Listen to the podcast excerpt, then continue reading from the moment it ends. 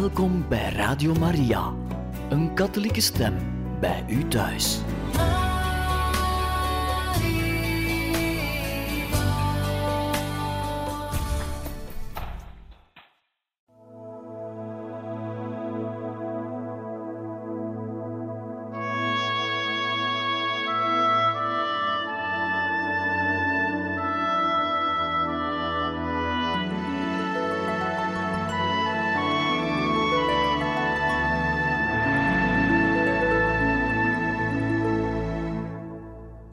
Van harte welkom, beste luisteraars van Radio Maria, bij het programma Heiligen Getuigen, waarbij u voorlezen uit het boek Mijn Heerlijk Leven, het verrassend geestelijk avontuur van de jeugdige Gabriel Possenti, geschreven door Edmund Burke. In een vorige keer leerden we het karakter van de opgroeiende Francesco Possenti kennen en we merkten dat hij heel sterk aarzelde om zijn beloftes die hij had gedaan, namelijk om toch naar het klooster te gaan, dat hij dus een sterke aarzeling daarin heeft ervaren. En dat hij zich, om te kunnen deelnemen aan geestige gesprekken, zoals hij het zelf noemde, zich eigenlijk werpt op de liefdesromans van die tijd. Daar waren we ondertussen aangekomen. Van de boeken waar hij plezier aan beleefde, kan men er zich thans nog maar weinig herinneren. Eén ervan is ongetwijfeld de beroemde roman van Manzoni geweest, De Verloofden, die thans als een kleinere klassieke schrijver beschouwd wordt. Naar de mildere maatstaven van tegenwoordig beoordeeld, zouden de meeste boeken wel vrij onschuldig zijn gebleken maar zij bleven later toch een bron van gewetenszorgen voor hem, en de herinnering eraan speelde hem voortdurend door de geest. Hij schreef: Ik beken eerlijk dat de herinnering aan de vele tijd die ik verspild heb met het lezen van zoveel boeken mij eigenlijk veel leed doet. Zelfs hoewel zij niet werkelijk slecht waren, besef ik thans toch welk een gevaarlijk gif zij bevatten, en hoe gemakkelijk zij het hart bederven. Men moet echter niet denken dat zijn leven een eindeloze serie van pretjes en pleziertjes was. Hij was een ouderejaarsstudent op het college met een schitterende staat van dienst. Zonder overmatige geestelijke inspanning had hij de klassen der humaniora en retorica doorlopen, steeds onderscheidingen en prijzen verwervend. De laatste twee jaren van zijn collegestudies, jaren 1854 tot 1856, waren aan de filosofie gewijd. Zijn successen op school schonken zijn vader evenveel voldoening als ze zijn leraren deed. Bijzondere vermelding verdiende het gemak waarmee hij voortreffelijke Latijnse verzen schreef. In zijn gedichten, aldus Monseigneur Gorolla, vinden wij zang van de dichter, geïnspireerd door de ziel van de heilige. Een Franse biograaf, Bernard Lazarus, is minder geestdriftig. Hij noemt de gedichten het zorgvuldige werk van een ijverige en knappe leerling, doch voegt er nogal sarcastisch aan toe: Wie anders dan een schooljongen zou de mogelijkheid in zijn hoofd halen om het Stabat Mater te parafraseren?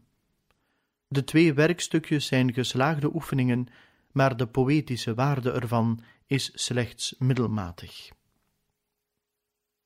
Zonder een van beide standpunten te willen delen, kan men toch wel zeggen dat de verzen verwonderlijk rijp zijn voor een collegestudent van vijftien jaar. Van veel meer betekenis is het feit dat de twee grootste gedichten, geschreven in 1853, beide hun inspiratie vonden in Onze Lieve Vrouw. Alles samengenomen duiden zij aan in welke richting zijn gedachten geleidelijk aangingen drie jaren voordat zijn roeping tot rijpheid kwam. Het eerste gedicht, met de titel Aan de Heilige Maagd bij gelegenheid van de visitatie, handelt over het bezoek van de aartsengel Gabriel en Maria's aanvaarding van de goddelijke wil. Het andere is een passievers, aan de Heilige Maagd staande bij Jezus kruis. Het biedt een levendig en soms treffend tafereel van de smart van Maria toen zij op de Calvarieberg stond aan de voet van het kruis. Bij wijze van tegenstelling hiertoe bestaat er ook een notitieboekje, eveneens daterend uit dat jaar, op het college van Spoleto, waar enkele grappige karikaturen in staan van zijn medestudenten, met inbegrip van een van zijn broer en ook een van hemzelf. Het is nauwelijks aan te nemen dat de leraren aan zijn scherp oog en vaardig potlood ontsnapten, doch het verdient opmerking dat de schetsen heel geestig zijn. De humor is volkomen spontaan, de pittige, bruisende humor van een jongeling met een uitbundig goed humeur. Zelfs in zijn vrolijkste ogenblikken is er evenwel een ondertoon van onrust, een soort van onvoldaanheid met de wereld die hij kende en die hem schijnbaar volkomen vervulde. Epigrammen en korte versjes vormden stevast een deel van zijn dagelijkse bezigheden, maar soms stond zelfs de leraar verbaasd over de rijpheid van zijn gedachten en zijn talent om een gelukkige vondst in zijn uitdrukkingen te verwerken. Hier volgen bijvoorbeeld een paar regels van zijn inschrift voor een zonnewijzer. Zal dit voorbijgaand uur, door de glijdende schaduw getekend, wellicht het laatste van ons leven zijn? Met het trage schuiven van de schaduw wordt het leven afgemeten. Niet al wat s morgens straalt, schijnt ook nog in de avond.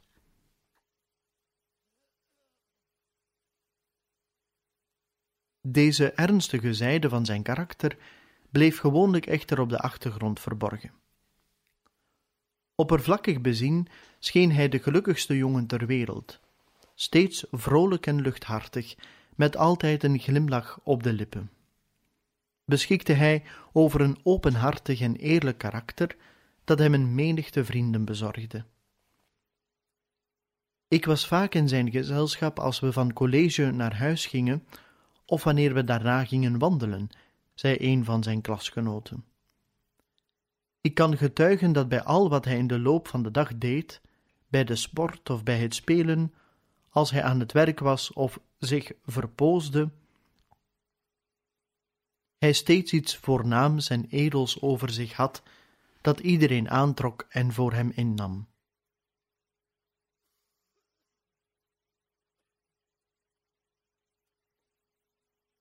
Een meer gedetailleerd beeld wordt door zijn goede vriend Philippe Giovannetti gegeven en hij zegt: We waren van ongeveer dezelfde leeftijd en stonden op voet van vriendschap met elkaar.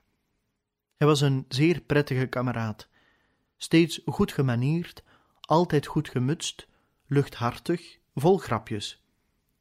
Vaak vertelde hij vrolijke geschiedenissen of geestige moppen maar het waren altijd goede, behoorlijke grappen, en hij vertelde alles zo goed dat iedereen erom lachen moest. Hij had erg veel geduld, zelfs als men een grap met hem uithaalde. Soms kon het ook wel eens een ruwe grap zijn, en dan flikkerden zijn ogen wel even van wrok. Maar het was gauw vergeten en spoedig was hij alweer even vrolijk als eerst. Nooit hoorde ik één woord uit zijn mond dat ook maar in de verte beschouwd kon worden als een zinspeling op ongepaste onderwerpen. Een merkwaardig geval is vastgelegd. Ze waren samen uit wandelen gegaan toen Filip opmerkte dat Francesco een mes in een schede bij zich droeg en dat er erg gevaarlijk uitzag. Zeer verbaasd een collegejongen een dergelijk wapen te zien dragen, bracht hij zijn verwondering onder woorden. Opgewonden gaf Francesco voor antwoord dat hij het bij zich droeg om een jonge man af te schrikken, die hij met name noemde, een losbandige jongeling, die hem onbehoorlijke voorstellen had gedaan. Verontwaardigd had Francesco hem afgewezen en tegen Filip zei hij: Als hij dit ziet, zal hij me in de toekomst wel met rust laten. En Filip ging er toen verder niet meer op in. Zijn onbezorgde levensloop zou al gauw geschokt worden door een vrede en onverwachte slag. Deze kenmerkte een crisis in zijn geestelijk leven, want daarna was niet alles meer zoals vroeger. De sombere gedachten die deze slag bij hem wakker riepen, dwongen hem tot een uiteindelijk besluit omtrent zijn roeping, die met het verstrijken der maanden hoe langer hoe meer op het achterplan geraakt was.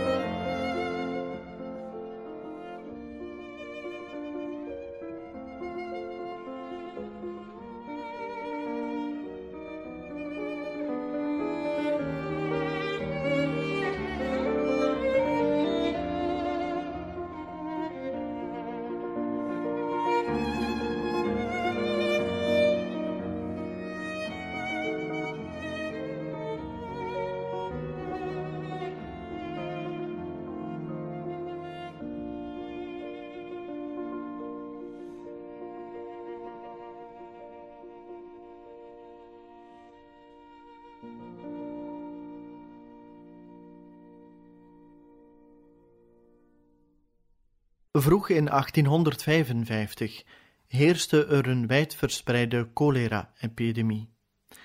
De gevreesde plaag trof het ene land na het andere en Italië maakte daarop geen uitzondering.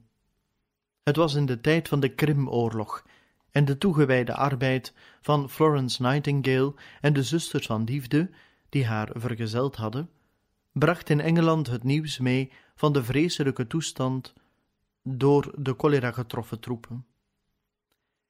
In Engeland zelf werden honderden en duizenden arme Ierse immigranten, die in de sloppen van de grote steden op een ellendige manier op elkaar gehoopt leefden, door de cholera ten grave gesleept. Onder de warme zon van Italië nam de ziekte in kracht toe. Met ontstellende snelheid verspreidde zij zich van stad tot stad. De omstandigheden in de hospitalen waren primitief, sanitaire voorzorgsmaatregelen waren verwaarloosd, de massa van het volk dikwijls ondervoed. Het is nauwelijks te verwonderen dat het aantal slachtoffers steeds groter werd.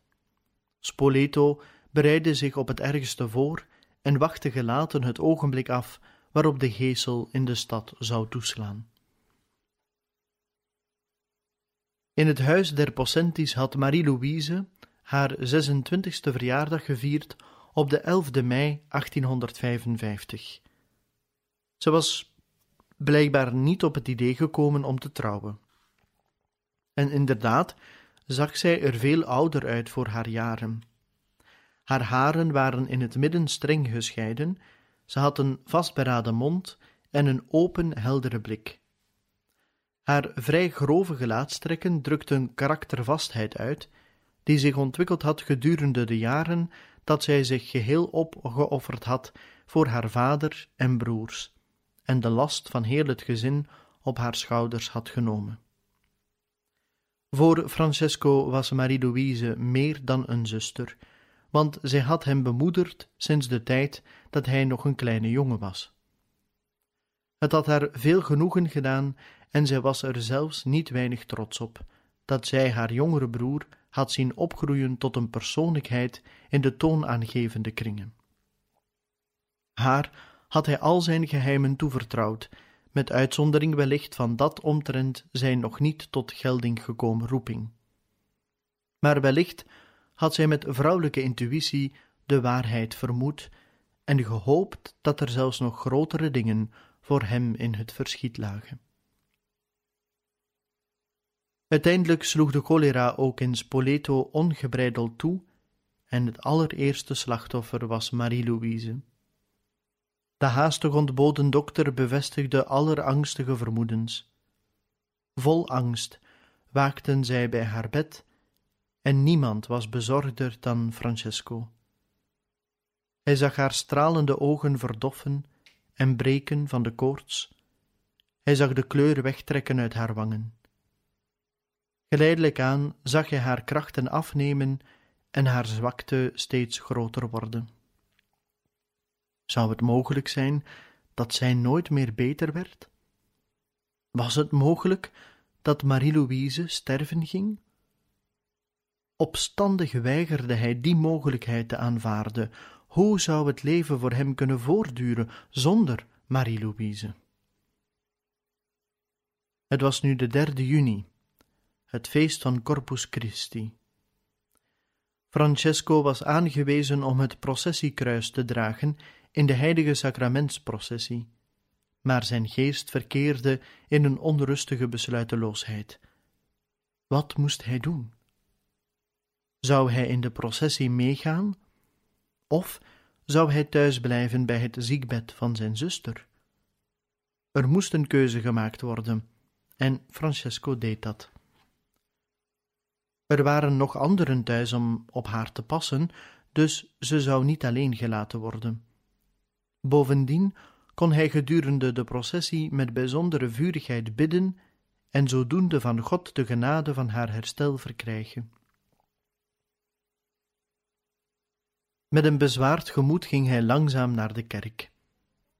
Terwijl hij in de sacristie stond te wachten om zijn plaats aan het hoofd van de processie in te nemen, hoorde hij plotseling een nadrukkelijk fluisterend Pst, Francesco. Francesco Possenti. Ga direct naar huis. Je zus is dood. Als gehypnotiseerd, als in een nachtmerrie, legde Francesco automatisch zijn superplie en soutane af. Er moest een vergissing in het spel zijn. Zijn geest weigerde de boodschap te aanvaarden, maar in zijn hart wist hij dat ze waarheid bevatte. De slag die hij gevreesd had, was dan toch gevallen. Door de verlaten zijstraten de heuvel afsnellend, stormde hij het huis binnen en wierp zich naast het sterfbed op de knieën. Marie-Louise, Ze zag er zo rustig en vreedzaam uit nu. Haar ogen waren gesloten, haar lippen gekruld, als in een zwakke glimlach. Maar ze was weg, weg, weg. Terwijl Francesco, die nu juist zeventien jaar was, daar geknield lag, overschouwde hij in de geest de voorbije jaren. Het gevoel van wanhoop dat zijn hart vervulde, was geen nieuwe gewaarwording.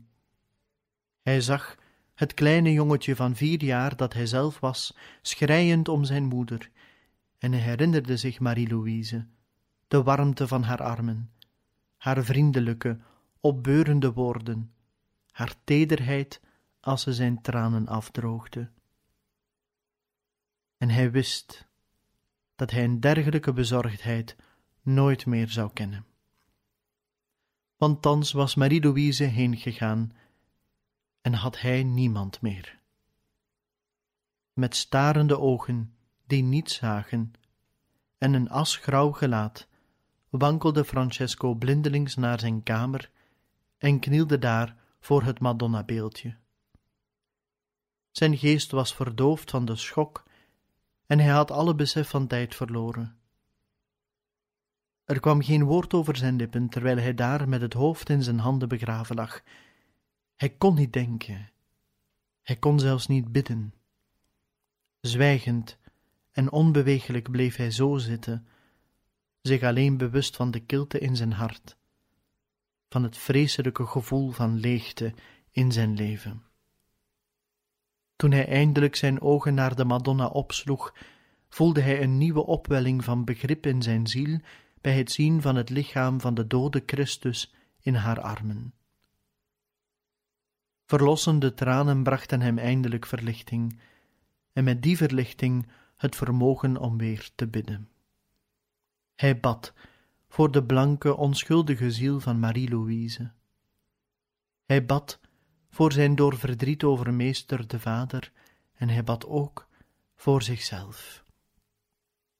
Moeder, zo smeekte hij, helpt u mij nu alstublieft. Ik heb nu niemand meer, behalve u.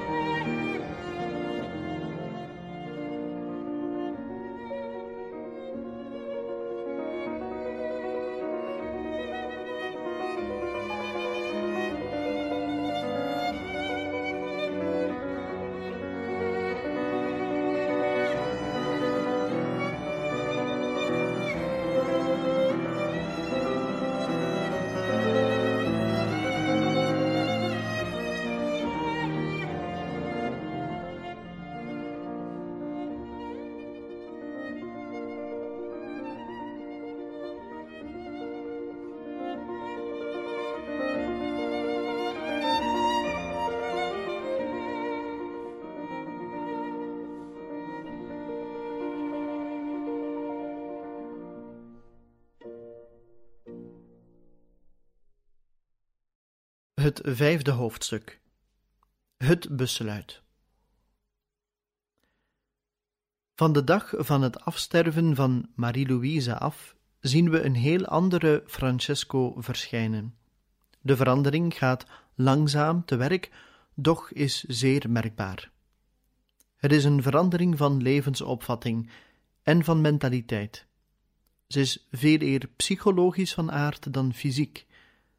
Ze gaat niet gepaard met iets opzienbarends en geschiet ook niet onverhoeds, want het opzienbarende en het onverhoedse vormen veel eer de uitzondering dan de regel in de levens van de heiligen. In zijn welbekende werk, The Psychology of the Saints, legt Henry Jolie de nadruk op dit punt, waaraan niet steeds het belang gehecht wordt dat het verdient. Wij moeten niet vergeten dat in heiligheid, evenals in alle andere dingen, een geleidelijke ontwikkeling plaatsvindt, zegt hij. Het zou verkeerd zijn te menen dat het hoogtepunt van heiligheid bereikt wordt op de dag dat de heilige de offers brengt die van nature het moeilijkst zijn. Houdt men dit in gedachten, dan is het niettemin juist te zeggen dat de dood van zijn zus een beslissende factor was die richting en een doel gaf aan zijn tot dan toe vage verlangens. Het is terecht zijn ascetische bekering genoemd, want het was het begin van die volkomen gerichtheid op en algehele overgave aan God, die later karakteristiek voor zijn heiligheid was. Na de dood van zijn zus merkte zijn biechtvader, pater Bompiani, op wijde Francesco meer tijd aan gebed en overweging. Zijn roeping neemt steeds duidelijker en meer besliste vormen aan, doch andermaal is er die merkwaardige, bijna onverklaarbare aarzeling om daadwerkelijke stappen tot de vervulling ervan te ondernemen. Een mogelijke reden ervoor was de weinig toeschietelijke houding van zijn vader. Of Santi enig vermoeden van deze nieuwe ontwikkeling had, doet daarbij niet ter zake. Ook zonder zich metterdaad te verzetten tegen de plannen van zijn zoon, kon hij toch aanzienlijke invloed op hem uitoefenen. Hij had reeds de mening geopperd dat Francesco op zijn minst een jaar zou wachten, om te zien of hij nog van gedachten zou veranderen. In alle geval deed zijn levenslange juridische manier van het leven te bekijken zich gelden. En hij adviseerde uitstel en opschorting aan iedere uiteindelijke beslissing. Dat lag geheel in de lijn van zijn karakter, want hij stond bekend als iemand die gereserveerd van aard en voorzichtig in zijn oordeel was. Naar alle waarschijnlijkheid onderkende hij de feiten wikkend en wegend met de voorzichtigheid van de advocaat, de neerdrukkende uitwerking die de dood van Marie-Louise op Francesco uitoefende. De tijd is een goede heelmeester, dacht hij. Wanneer er maar genoeg tijd verliep en er voldoende afleiding was, zou men wel niets meer horen van dat idee om in een klooster binnen te gaan. Binnen twaalf maanden, zo hoopte hij, zou heel dat vage denkbeeld omtrent een roeping wel vergeten zijn. Santi Possenti mag zich zelfs de vraag hebben kunnen stellen of er bepaalde stappen gedaan zouden moeten worden om er zich van te verzekeren dat het denkbeeld ook wel vergeten zou worden. De omstandigheden schenen een dergelijk plan te begunstigen. De Possentis stonden op voet van goede en innige vriendschap met de familie van de rechter Penacchieti. Hun woningen lagen niet ver van elkaar en over en weer brachten beide families elkaar dikwijls een bezoek. Zij vormden gezelschappen om samen naar de schouwburg en naar de bals te gaan. Ze waren haast onafscheidelijk van elkaar. De jongste dochter van de rechter was de beste vriendin van Marie-Louise geweest, en haar hart was van medelijden vervuld als zij zag hoe het verdriet zich op het gezicht van Francesco aftekende. Zij vatte een tedere genegenheid voor hem op, wat de scherpzinnige blik van Sante niet ontging. Hij hoopte dat zijn zoon niet zou nalaten dat feit te waarderen. Het zou in ieder opzicht een geschikt huwelijk zijn. en een vaste verbintenis zou iedere gedachte om in een klooster te gaan afdoend verijdelen. Zodoende bleef Santipossenti de hoop koesteren dat in zijn gedachtengang alles nog wel goed zou aflopen. Hij hield rekening met de mogelijkheid de verloving openlijk bekend te maken zodra Francesco het college zou hebben afgelopen. Maar ook Francesco was niet blind. Hij was er zich heel goed van bewust dat er een beminnelijke valstrik voor hem gespannen was en dat de zaken snel naar hun hoogtepunt gingen.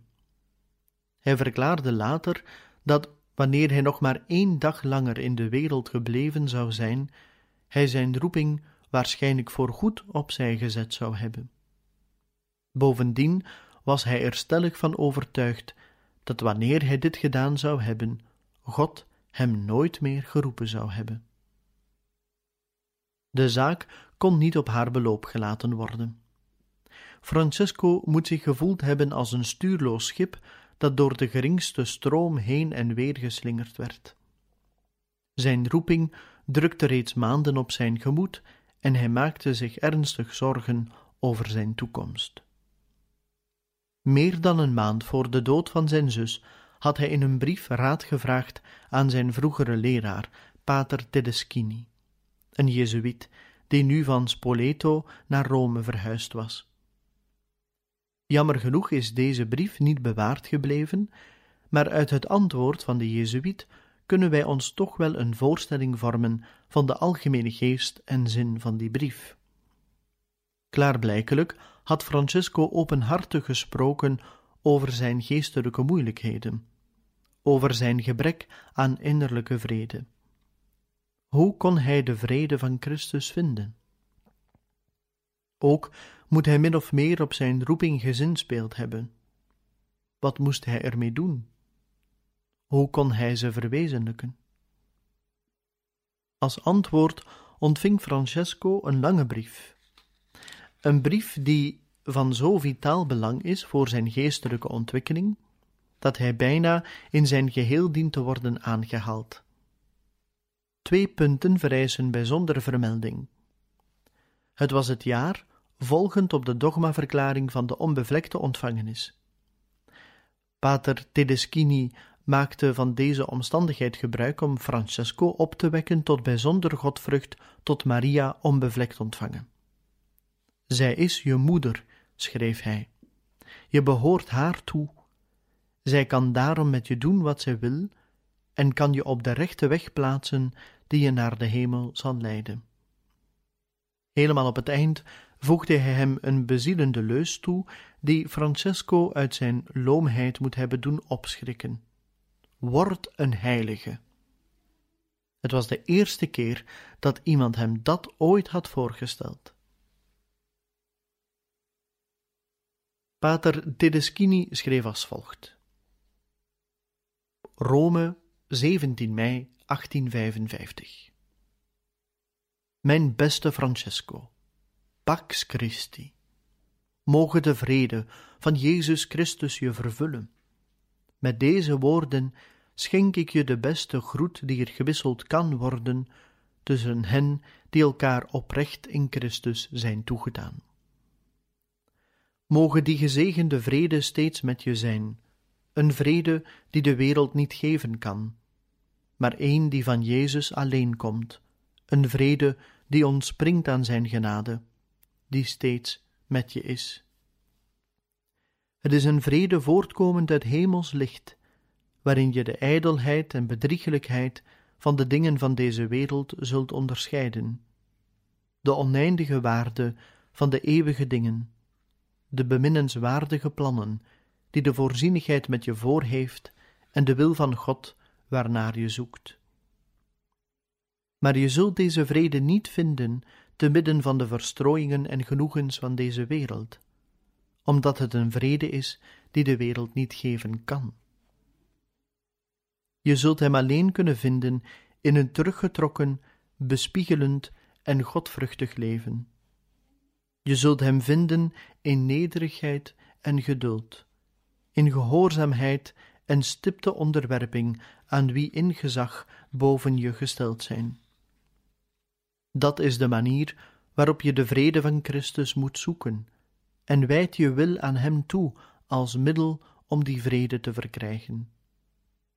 Hij schept behagen in vrede, en zijn stem wordt nooit vernomen door harten die geen vrede kennen.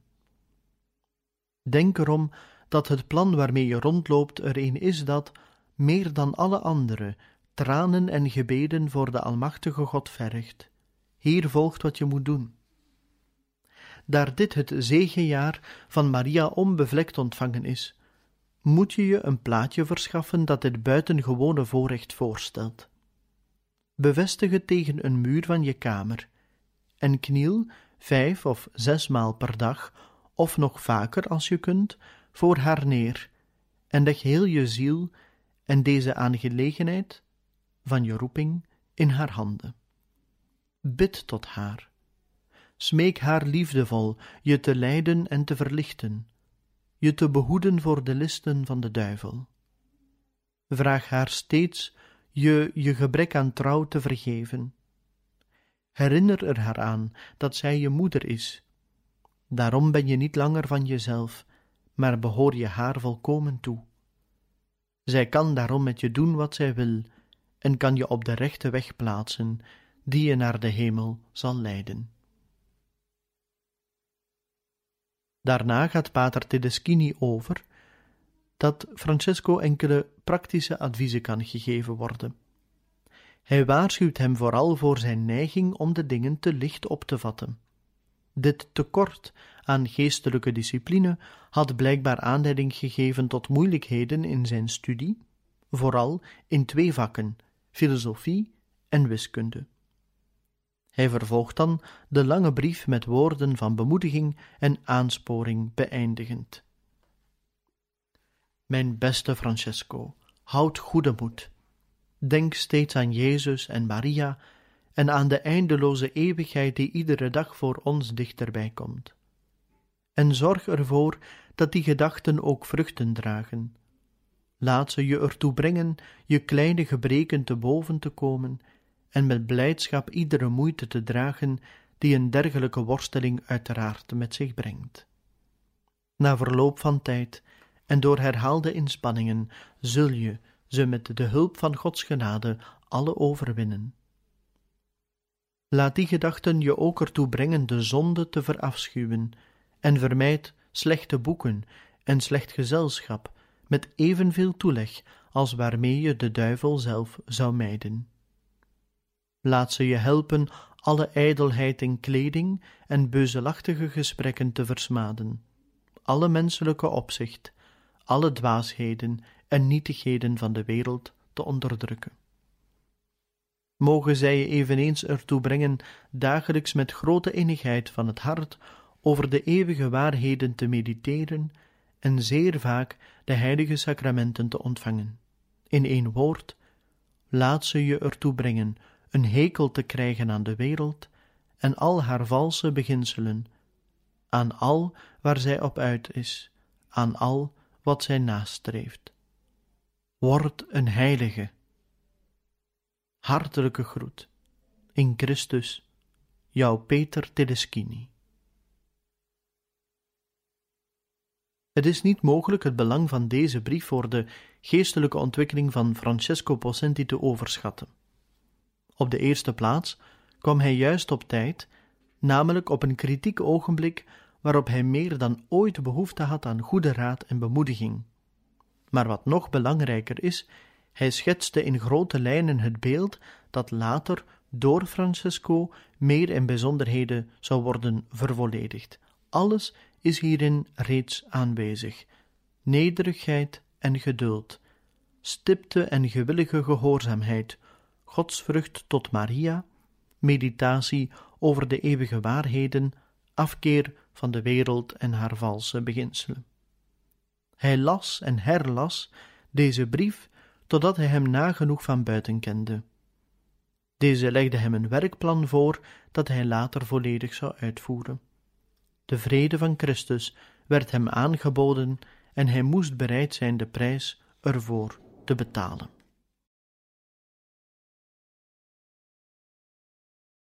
En zo, beste luisteraars, zijn we aan het einde gekomen van deze aflevering van het programma Heiligen Getuigen. beëindigde dus met die belangrijke brief, die brief van Pater Tedeschini, die een omwenteling zal betekenen in het leven van de toekomstige heilige Gabriel van onze lieve vrouw van Smarte, geboren Francesco Possenti.